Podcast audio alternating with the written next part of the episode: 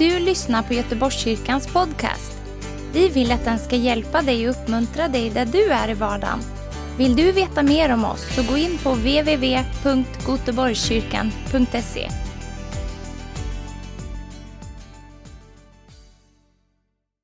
Så roligt att få predika och fortsätta och tala om församlingen, vilket är verkligen en passion för mig, en passion i mitt liv. Församlingen, finns det något mer fantastiskt? Ja, det är Jesus då. Men vi är ju hans kropp, eller hur? Och tänk att han har kallat oss till ett sånt fantastiskt uppdrag, att sprida hopp och ljus. Eh, eh, och en tro på evangelium, på en framtid, på ett evigt liv. Tänk att vi får del av det av en levande församling. Och tänk att vi får samlas här och vi får lära känna varandra, vi får gå tillsammans vi får gå i det uppdrag som Gud har kallat oss. Jag tycker det är, det är en nåd från Herren. Och vi får ha varandra också. Ska du bara titta dig runt lite på alla vackra människor, alla underbara människor som sitter här. Och säg hej till någon också. Det kan vara trevligt att göra. ja, vad bra. Församlingen del 2. Uppgiften och tjänandet kommer jag att tala om idag och betona idag. Christian predikade ju förra söndagen här om församlingen del 1. Vi ska läsa bibelord tillsammans. Första Petrus brev 4 och vers 10 till 11. Och ni kommer säkert få det på skärmen här också. Också ni som är med oss online, välkomna med. Hoppas du kan följa med i predikan. Tjäna varandra var och en med den nådegåva han har fått som goda förvaltare av Guds mångfaldiga nåd. Om någon talar ska han tala i enlighet med Guds ord. Om någon tjänar ska han tjäna med den kraft som Gud ger, så att Gud i allt blir ärad genom Jesus Kristus. Hans är äran och makten i evigheters evighet. Amen. Du ska få sex punkter med dig här idag. Jag hoppas vi kommer hela vägen. Och den första punkten är att vi ska tjäna varandra i andens liv. När jag blev frälst, fick liv i Gud, jag var ungefär 15 år. Jag förstod det här med frälsningen. Jag tog emot Guds gåva. Då hände det någonting i mig som var så tydligt. Det var att jag fick en längtan att tjäna Gud, men också en längtan att vara med och ha en uppgift i den lokala församling där jag kom till tro. För det var så naturligt för mig, människor som brydde sig om mig och hade varit en del av att jag fick ta emot frälsningen. Jag blev del av en lokal församling ute i Bergstena heter det, utanför Allingsås, en by, en superhärlig eh, levande församling ute på landsbygden. Och att tjäna och ha en uppgift där, det blev ju en självklar respons på det som anden gjorde, det Gud gjorde i mitt liv, det jag föddes på nytt och jag kände att jag kom in i ett flöde av, av liv, av den helige ande på insidan. Och det som jag hade fått av gåva, av, fått som gåva, det ville jag ju såklart ge vidare till andra. Och vad var väl mer självklart än att vara med och göra det genom att vara med och vara en del av den lokala församlingen. Att vara med som ledare för scouter och tonåringar och hjälpa till och baka till söndagsfikat och städa i kyrkan och anordna läger och ja, allt det där. Det var ju liksom som en respons bara ifrån anden inom mig. Och det står så här. Jesus sa så här på den sista dagen, det här är Johannes 7, den största högtiden stod Jesus och ropade, om någon är törstig, kom till mig och drick. Den som tror på mig, som skriften säger, ur hans innersta ska strömmar av levande vatten flyta fram.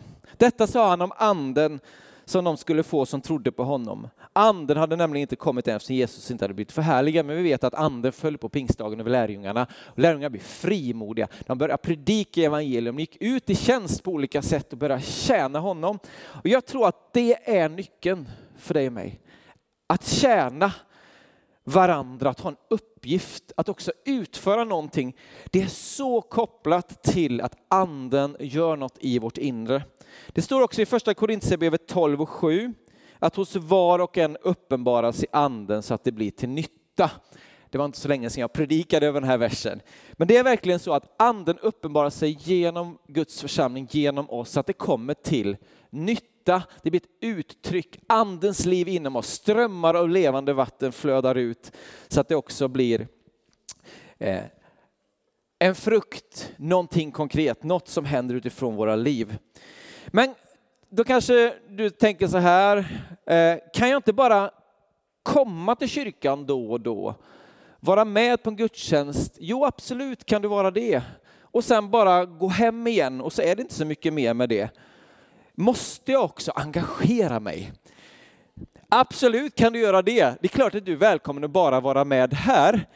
Men när Gud gjorde någonting i mitt liv, rörde vid mitt liv, då, då blev det en naturlig frukt. Det var liksom ingen fråga, måste jag göra någonting också? Det var ju snarare, hur mycket grejer kan jag vara med på? Och det är klart, jag hade inga, ingen familj, jag hade inga barn, jag kunde vara med på precis allting. Pensionärernas bönemöten, man låg på, du vet, nere med näsan i, i stolarna och bad. Liksom. Bara wow, att få vara med där och man var med och, och, och liksom på allt som hände i kyrkan. För det var ju ett flöde, en längtan att få vara med och, och, och tjäna. För jag tror så här, om vi resonerar så här, men kan inte jag bara vara i kyrkan utan att behöva göra någonting? Då tror jag inte att vi har förstått vad församling är. Då tror jag inte vi har förstått vad Gud har tänkt med sin församling. För att församlingen Självklart är den till för oss, men framförallt är den till för punkt nummer två, för den här världens skull. Vi ska tjäna varandra för den här världens skull. Och i söndags så predikade ju Christian om församlingen utifrån det här ordet eklesia. Och det var otroligt intressant att höra om eklesia och det är ett starkt ord. Vad, är, vad var eklesia för någonting? Jo, det var en grupp som hade auktoritet i staden. Och det är ett grekiskt ord och romarna använde det här med eklesia när de skulle inta ett nytt område. Då tillsatte de och kallade människor att gå in och ha inflytande och utbreda romarrikets kultur i det området och den provinsen. Det var alltså en grupp med människor som hade som uppgift uppgift att ha inflytande i regionen, i staden, på det området där romarna liksom ville inta. Och det här använder Bibeln för att förklara vad är församlingen? Och en utkallad skara som har ett uppdrag för den här världens skull. För att också ha en påverkan på samhället. Om vi bara blir en inbördesklubb, en intresseklubb som träffas lite då och då och tänker att jag sitter av min religiösa plikt, då kan vi ju lika gärna gå hem en gång, eller hur? För då har vi inte förstått vad församling är. För församling är vi är kallade, vi är utvalda av Gud att påverka på våra arbetsplatser, på våra skolor. Var vi än är någonstans så har vi ju en kallelse att tjäna människor, att tjäna varandra. Och då är det ingen motsats i att vi tjänar varandra i det vi gör tillsammans här i den lokala församlingen och det vi gör ihop här. Och att vi också betjänar människor där vi är på våra arbetsplatser eller i vår vardag på olika sätt. Det hänger ju såklart, såklart samman. För jag menar, det är ju inte kyrkobyggnaden som är i centrum, eller hur? Eklesian, det var ju någonting som påverkade staden och att församlingen då Eh, liksom förklaras genom denna grupp av människor som har en kallelse att inte bara samlas på en plats utan att utbreda Guds rike och Guds herravälde, hans påverkan i samhället. Jag skrev så här, Guds rike som tar plats genom vårt lärjungaskap, andens liv inom oss, i den lokala ekklesian och multipliceras ut i samhället genom de olika platser vi är på, genom våra tjänster, uppgifter och gåvor som vi har. Och det är genom oss vanliga människor, du och jag. Vi når fram till vanliga människor precis som du och jag med evangelium. Genom den lokala församlingen så får vi vara med och resa upp lärjungar. Vi får träna lärjungar, vi får komma samman som många generationer och vi får genom våra olika uppgifter och genom vårt tjänande resa upp varandra som Herrens lärjungar, styrka varandra. Vi får resa upp nästa generation, lära nästa generation att gå och vandra med Gud, höra Guds röst och att ta över den liksom, stafettpinne och den mantel som finns för att påverka, breda ut evangelium, vara med och forma vårt samhälle. Och det är ju fantastiskt att vi får göra det.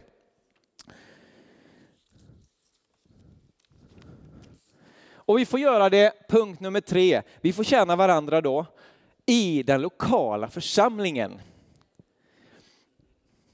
Jag tog med någonting hemifrån som har stått i köksfönstret ganska länge. Vatten har det dock varit i den här, som var grönt så jag hällde ut det. Den har stått bakom gardinen och gömt sig.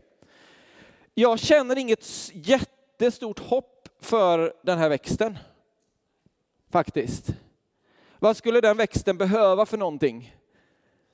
Planteras någonstans, planteras ut. Kanske i en kruka till att börja med. Och antagligen så kommer den växa till och inte få plats i den krukan och behöver en större kruka. Den lokala församlingen. Det står så här i psalm 92 att de rättfärdiga, de grönskar som palmer, de växer som sedrar på Libanon, planterade i Herrens hus. Grönskande på vår Guds förgårdar.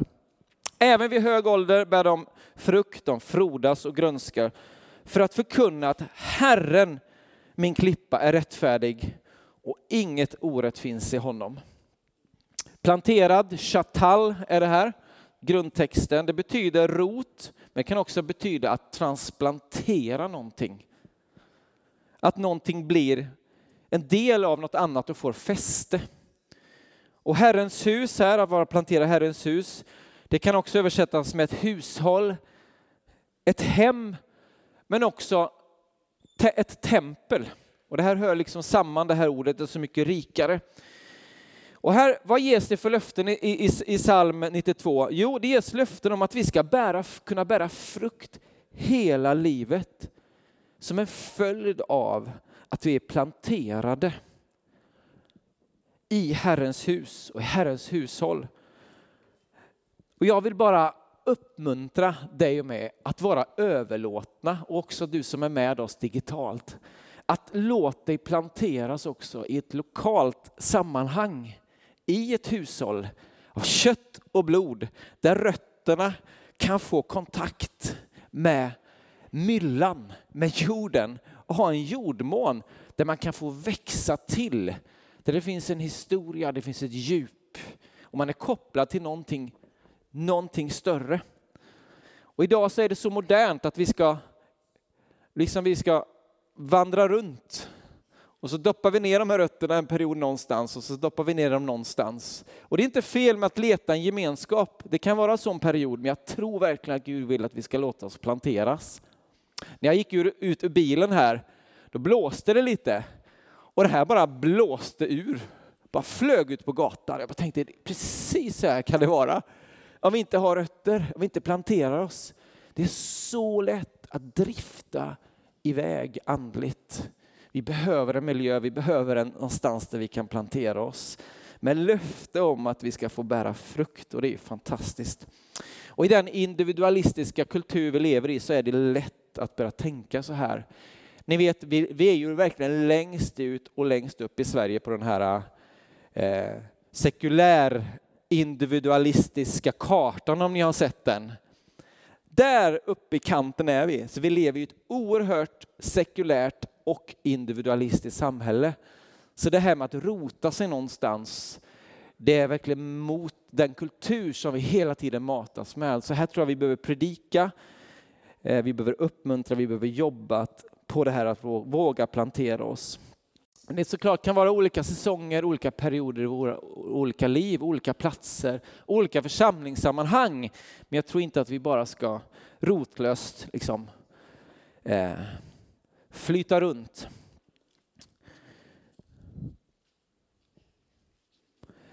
Vad behöver vi mer göra? Vi behöver tjäna varandra aktivt.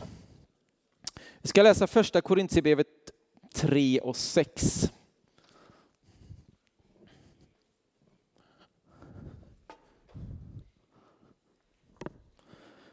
Där står det, jag planterade, Apollos vattnade, men Gud gav växten. Varken den som planterar eller den som vattnar betyder något, utan bara Gud som ger växten. Den som planterar och den som vattnar, de är ett. Var och en ska få sin lön för efter sitt arbete. Vi är Guds medarbetare och ni är Guds åker och Guds byggnad. Vad gör vi för någonting? Jo, vi, vi planterar, vi vattnar med löften om att vi ska få en lön. Vi är en åker och vi är medarbetare. Vad gör Gud? Han ger växten. Visst är det ett fantastiskt löfte? Men innebär det att det automatiskt kommer en växt? Nej, för vi är kallade att aktivt göra vår del, eller hur? Och det är att vi ska plantera, vi ska vattna. Vi behöver faktiskt också agera och göra någonting. Jag är uppvuxen på landet som ni hörde. Omgiven av landsbygd, av åkrar. Eh, jag har liksom sett årstidernas olika säsonger inom jordbruket. Där det finns en tid att gödsla, plöja, harva, så, vattna, ta bort ogräs, skörda, ta in i ladorna och så börjar det om igen. Innebär det att jordbrukaren eller eh, bonden bara tänker att men Gud ger växten så att jag behöver inte göra något. Nej, det är ju ett av de mest kanske krävande arbetena som finns. Att vara en jordbrukare. Men jordbrukaren vet också att skapar jag de här förutsättningarna aktivt, då finns det en inneboende kraft i det här sädeskornet, i de här fröna, i det jag planterar. Där det kommer ge en växt, det kommer ge ett resultat och det kommer ge en, en frukt. Men då behöver jag också bonden aktivt välja att göra det som han är kallad till att göra. Församlingens uppdrag, det är aktivt och vi är kallade till att skapa förutsättningar för olika former av frön att växa till för att Gud ska kunna ge frukt. Och här tror jag vi kan ha en tendens att komma in i ett tänkande att det spelar ingen roll vad jag gör. För Gud kommer ändå liksom göra vad han vill. Han har talat, han har sagt vad han ska göra. Och så tänker vi att nej, men jag, sett, jag tar ett steg tillbaka och så tittar jag på. Men jag tror verkligen en kamp om Guds rike.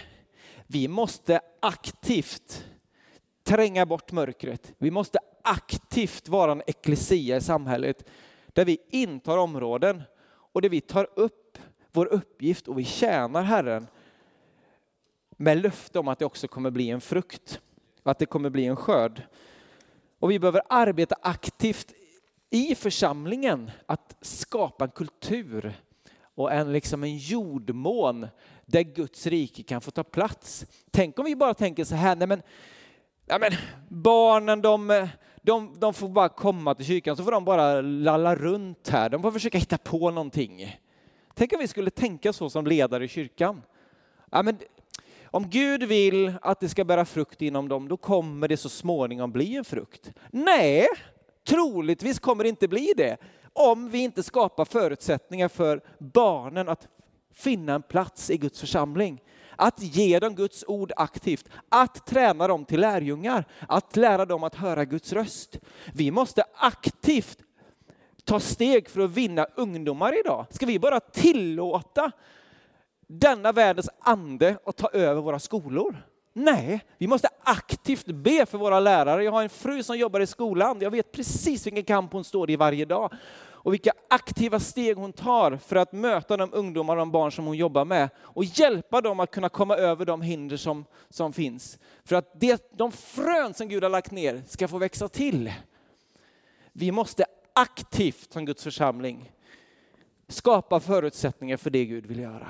Och jag tror, där har Gud kallat oss som ledare, Be för oss som ledare vi får visdom, vi får kraft och våga ta de här stegen. Men Gud har kallat dig också, oss tillsammans, ett starkare vi, som vi hörde för några söndagar sedan. För du har också någonting som du ska liksom gå i bräschen för. Du har någonting som du ska ta upp, en uppgift, ett ansvar, någonting som du ska förlösa. Och tänk inte att det bara är någon annan eller det är bara ledarna. Vi tillsammans, vi behöver verkligen sannerligen arbeta aktivt idag för att utbreda Guds rike. När jag var ung eller ungdom så hade jag ett väldigt speciellt intresse. Jag nördade ner mig en period i att odla grönsaker. Ja, uppvuxen på landet. Och bakom laggården där hemma, där hade vi en djungel av nässlor. Och ni som vet att där det växer nässlor, där finns det mycket näring. Det var en gammal gödselhög, en gammal gödselstack som hade legat där i liksom, gottat ihop sig. Och det var så mycket näring. Jag fick en vision. Jag ska röja bort nässlorna. Jag röjde bort nässlorna. Jag dundrade in med jordfräsen. Och du vet, det var bara som att gräva upp en kompost med. Du vet, det var så fet jord. Det var helt sjukt alltså.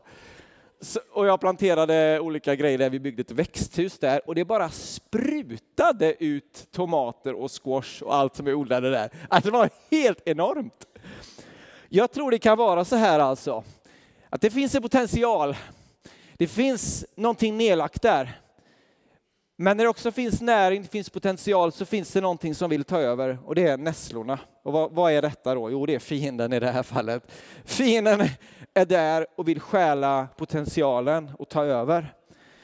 Och jag bara såg det här så tydligt, liksom hur vi måste bara aktivt ta bort nässlorna. Vi måste jobba för att skapa förutsättningar för att de här fröna och hamna där i myllan där näringen finns, i Guds församling. Och då måste vi ta upp jordfräsen, vi måste ta fram hackorna, vi måste ta aktivt liksom den uppgift Gud har kallat oss till. Jag menar, då blir det inte, men åh, måste jag ställa upp och vara med och hjälpa till med det här den här veckan också? Men alltså, det är ju en vision, eller hur? Wow, vi får vara med och skapa liksom liv och växtkraft för Guds rike. Och jag får ta upp liksom min, eh, vad det nu är, spade eller min hacka, jag får vara med och, och se till att, att det blir en, en förutsättning för det ska kunna växa till. Och det blev ju helt enorma eh, skördar. Och Hesekiel 36 säger så här, att det ödelagda landet, och jag tror det här, alltså vi ska bara ta det här till Sverige, ta till oss det som ett, ett ord för Sverige. Det ödelagda landet ska åter bli brukat istället för att ligga som en ödemark inför alla som går förbi. Då ska man säga, det landet som var ödelagt har nu blivit som Edens lustgård och städerna som var ödelagda, skövlade, förstörda är nu bebodda och befästa. Då ska folken som är kvar runt omkring er inse att jag, Herren, åter har byggt upp det som var förstört och på nytt planterat det som var ödelagt. Jag, Herren, har talat och jag ska göra det. Alltså, församlingar lägger ner i vårt land. Församlingar krymper. Och jag tror verkligen att det finns en potential. Det finns en gödselhög, ta detta rätt snälla. Förstå mig rätt. Det finns näring, det finns mantlar att ta upp. Och jag tror verkligen att Herren vill resa upp församlingar i vårt land. Det kanske finns, som jag hörde någon, liksom en bönetant kvar liksom, som ropar Herre sänd arbetare. Kanske är du en som ska sändas ut härifrån till en annan stad, en annan plats i vårt land. Och aktivt vara med liksom, och ta upp den kallelsen, resa upp en ny lokal församling igen och göra en skillnad på de här platserna. Vi vet att det är ett löfte till Israel också, så att vi ska fortsätta be också för att det här ska gå i uppfyllelse för, för Israel. Och vad, vad blir det då just med bönen, eh, när vi ber? Jag tror vi ska fortsätta be om väckelse. Alltså jag bär verkligen på en sån stark längtan om de här starka andutgjutelserna över vårt land, där vi, där vi får se ett väckelseskede. Men det innebär inte att jag sätter mig ner och bara tänker att nej men nu bara, innan det händer, vad ska jag, liksom, då bara ber jag om det så gör jag ingenting. Det får bli som det blir. Gud måste komma och ta över och komma med den riktiga väckelsen. Jag tror faktiskt ibland att vi tenderar, tenderar att tänka så som kyrkfolk, att vi ger lite grann upp och tänker att spelar det någon roll det lilla jag gör? Jag, jag, jag tror att det är fienden som vill lura oss ibland och tänka att det lilla jag gör det är så betydelsefullt. Att vi inte bara lägger ner och tänker att det bara stora måste komma. Jag tror att det stora kommer komma, men jag tror att det är en konsekvens av att vi faktiskt aktivt tar ansvar och gör också de små stegen. Att vi förvaltar nästa generation, att vi tar hand om de gamla, att vi liksom, eh, tar hand om varandra och som generationer tillsammans också tar ansvar för att utbreda Guds rike på de områden han har kallat oss. Och det kan ju också bönen bli så här att vi, men Gud kom och gör det här.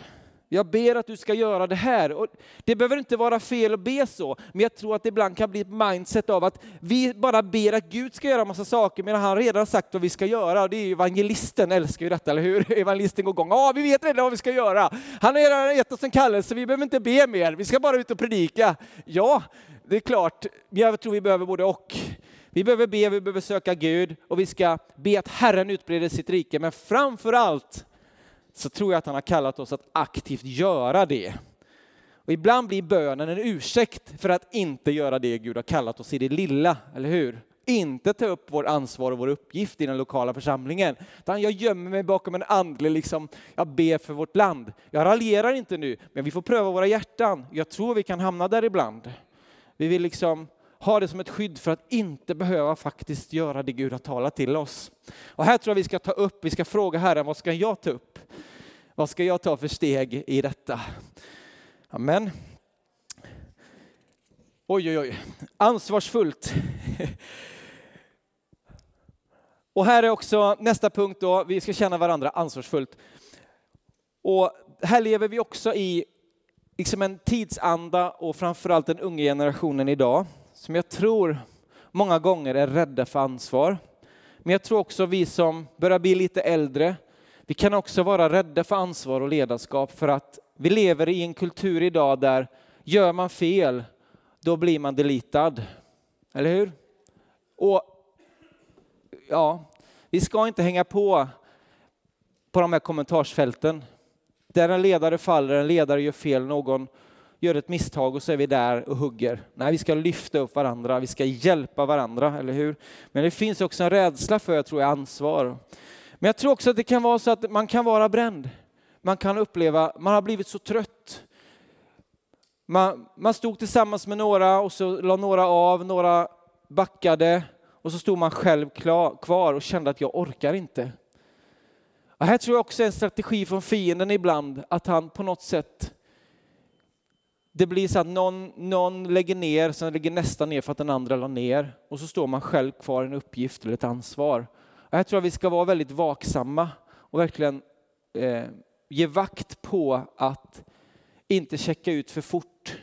För jag tror att vi ibland liksom lämnar människor ensamma på positioner och områden. Jag tror också det här har med bönetjänsten att göra. Och därför förstår ni att jag raljerar inte över bönen. Jag tror att det här att vara böneväktare är så viktigt. Och det är inte bara att bara att be. Det är oerhört viktigt att också be och vaka i bön i den andliga striden. Det händer ju något när man blir förälder, eller hur Peter? Så kul att du är här. Det händer något när man blir förälder. Man går ifrån att ha sig själv i fokus till att plötsligt liksom vara i en situation där någon annan är beroende av att jag tar mitt ansvar fullt ut. Och jag kan inte välja att idag tro att jag struntar i det där ansvaret. Jag vaknar, nej då är jag inte förälder. De får klara sig bäst de vill. Det blir inte jättebra. Och jag, jag, när jag var runt 25 så kände jag att, att det var ett skifte i mitt liv. Jag hade flyttat till Göteborg ganska nyligen. Och just det här med att tjäna, att liksom vara en del av Guds församling. Jag hade en brottningskamp med, med det här liksom att överlåta mig till det. Inte för att jag inte ville det och inte hade passion för det, men jag hade mycket av det tänket att nej men, när ska jag bara få komma och, och var, fylla på? Och jag tror vi kan känna igen oss i det där. Och jag liksom tänkte så mycket att nu tar jag på mig hatten, nu är jag tjänst, nu tar jag av mig hatten, nu ska jag bara komma som en konsument. Men i den brottningskampen förstod jag att det inte riktigt så det är när man är familj. För jag slutar inte att vara den jag är. Jag slutar inte att vara förälder. Sen finns det stunder jag måste inte alltid göra det jag gör. Det finns perioder där jag, jag släpper en uppgift, jag, andra gör det. Men det fick mig att landa och slappna av i att tjäna Gud är liksom något jag alltid gör. Det här är mitt ansvar. Då behöver inte jag vara rädd. För Herren kallar mig in i någonting, att bära upp någonting och det är hans kraft inom mig som gör det. Och då förstod jag att när jag i församlingen här, då har inte jag olika roller beroende på vilken dag eller vecka det är. Men ena året kanske jag gör den uppgiften, andra året kanske jag gör den uppgiften. Det är mer utifrån vad är behoven just nu, vad kallar Herren mig in i att göra just nu. Det behöver inte vara detsamma. Jag tror att du behöver inte vara rädd att överlåta och tänka nu ska jag få guldklocka i att vara mötesvärd. Du kanske inte ska vara mötesvärd och ha den uppgiften eller göra den uppgiften eller jobba med barnen eller vad du än gör. Det kan, Herren kanske kommer kalla in i någonting annat, en annan säsong. Men jag tror att, att våga överlåta, se att vi är alltid i tjänst inför Herren. Sen finns det stunder, och i den perioden, jag märkte liksom att när jag tjänar Gud, då möter Gud mig i tjänandet. Alltså när jag står här och ska leda ett möte, alltså jag, jag möter ju Gud i det. Och jag tänker inte att nej men nu är jag eh, inte en mottagare idag. Alltså Herren tjänar oss när vi är i tjänst. För jag tror att det är så det är i familj, eller hur?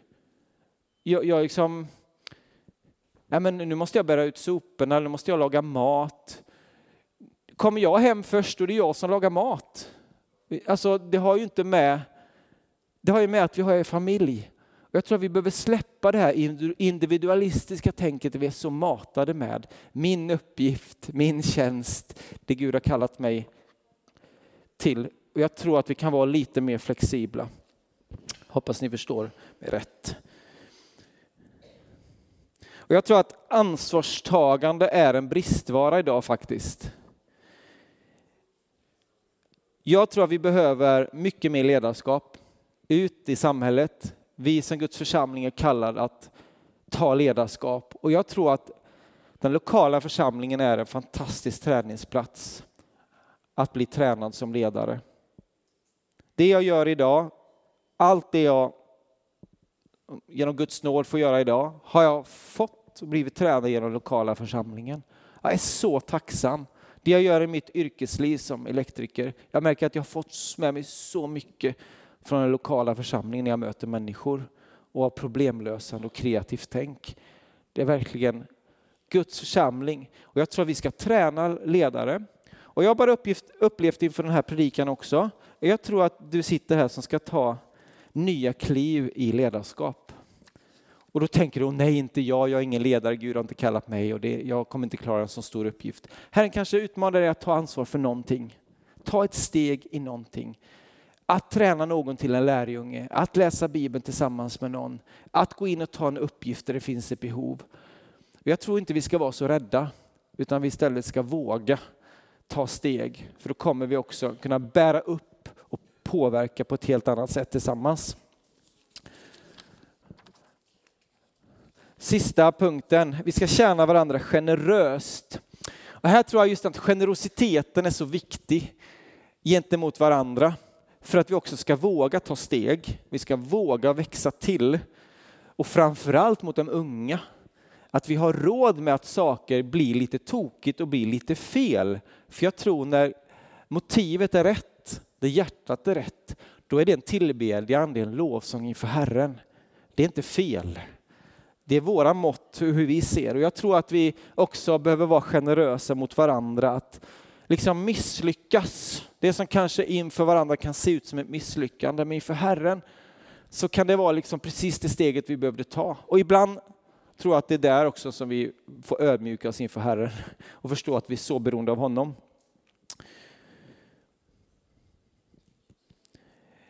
För några veckor sedan är det väl nu, när jag inför den här predikan, så fick jag en mening till mig som jag också tror är till några. Jag ska avsluta med det. Som också handlar om att Herren är generös mot oss. Att du kanske finns här som känner dig precis som en, en sprayflaska som är förbrukad, den är tom. Men då jag, har jag bara en hälsning från Herren. Att även om du känner dig förbrukad så kan Herren bruka dig För han vill fylla på. Han vill fylla på med nytt. Du är inte förbrukad. Herre vill bruka dig, för vi är inga elektronikprylar, vi är inga sprayflaskor. Utan jag vill börja där jag, eller sluta där jag började. Att låta Guds ande få strömma fram med nytt levande vatten. Och vi kan alla bli trötta. Jag kan vara oerhört trött och känna jag orkar inte. Men Herren kommer med nytt, ny kraft och nytt mod. Och när Gud möter oss också förnyar oss på insidan, då får vi ny kraft att också tjäna. För att göra allt det här, det kan bara kännas så kravfyllt om vi tappar relationen med Gud, om vi tappar andens flöde. Så det här är så viktigt och går hand i hand. Och i Fesebrevet 4 23 säger Låt er förnyas till ande och sinne och klä i den, gamla i den nya människan som är skapad till likhet med Gud i sann rättfärdighet. Bara välkomna lovsångarna upp. Så ska vi ta en, en stund i bön och förbön och jag kommer lämna över till Jonathan här. Men jag tror verkligen att Gud har talat till dig idag, kanske något specifikt som du känner berör dig. Jag gör ingen inbjudan nu, det kommer komma sen. Men jag tror verkligen att Gud vill komma förnya. Jag tror att det finns, du sitter här som ska ta nya steg att ta upp en uppgift i församlingen. Du ska låta dig rotas, överlåta dig. Du kanske också ska ta ett steg när det gäller att ta ansvar och ledarskap. Och jag tror att Gud manar dig Gud talar till dig vad det handlar om, vilka steg det är just du ska ta. Men låt oss tillsammans få vara den eklesia som Gud har kallat oss, oss att vara ut i samhället. Tack så mycket. Tack för att du har lyssnat. Dela gärna podden med dina vänner och glöm inte prenumerera. Om du har frågor eller vill att vi ska be för något så mejla oss på info. På söndagar har vi veckans höjdpunkt. Då firar vi gudstjänst tillsammans och det vore så kul att träffa dig där. Men vi har även samlingar för barn då? Gå in på vår hemsida goteborgskyrkan.se så får du veta mer. Välkommen till oss!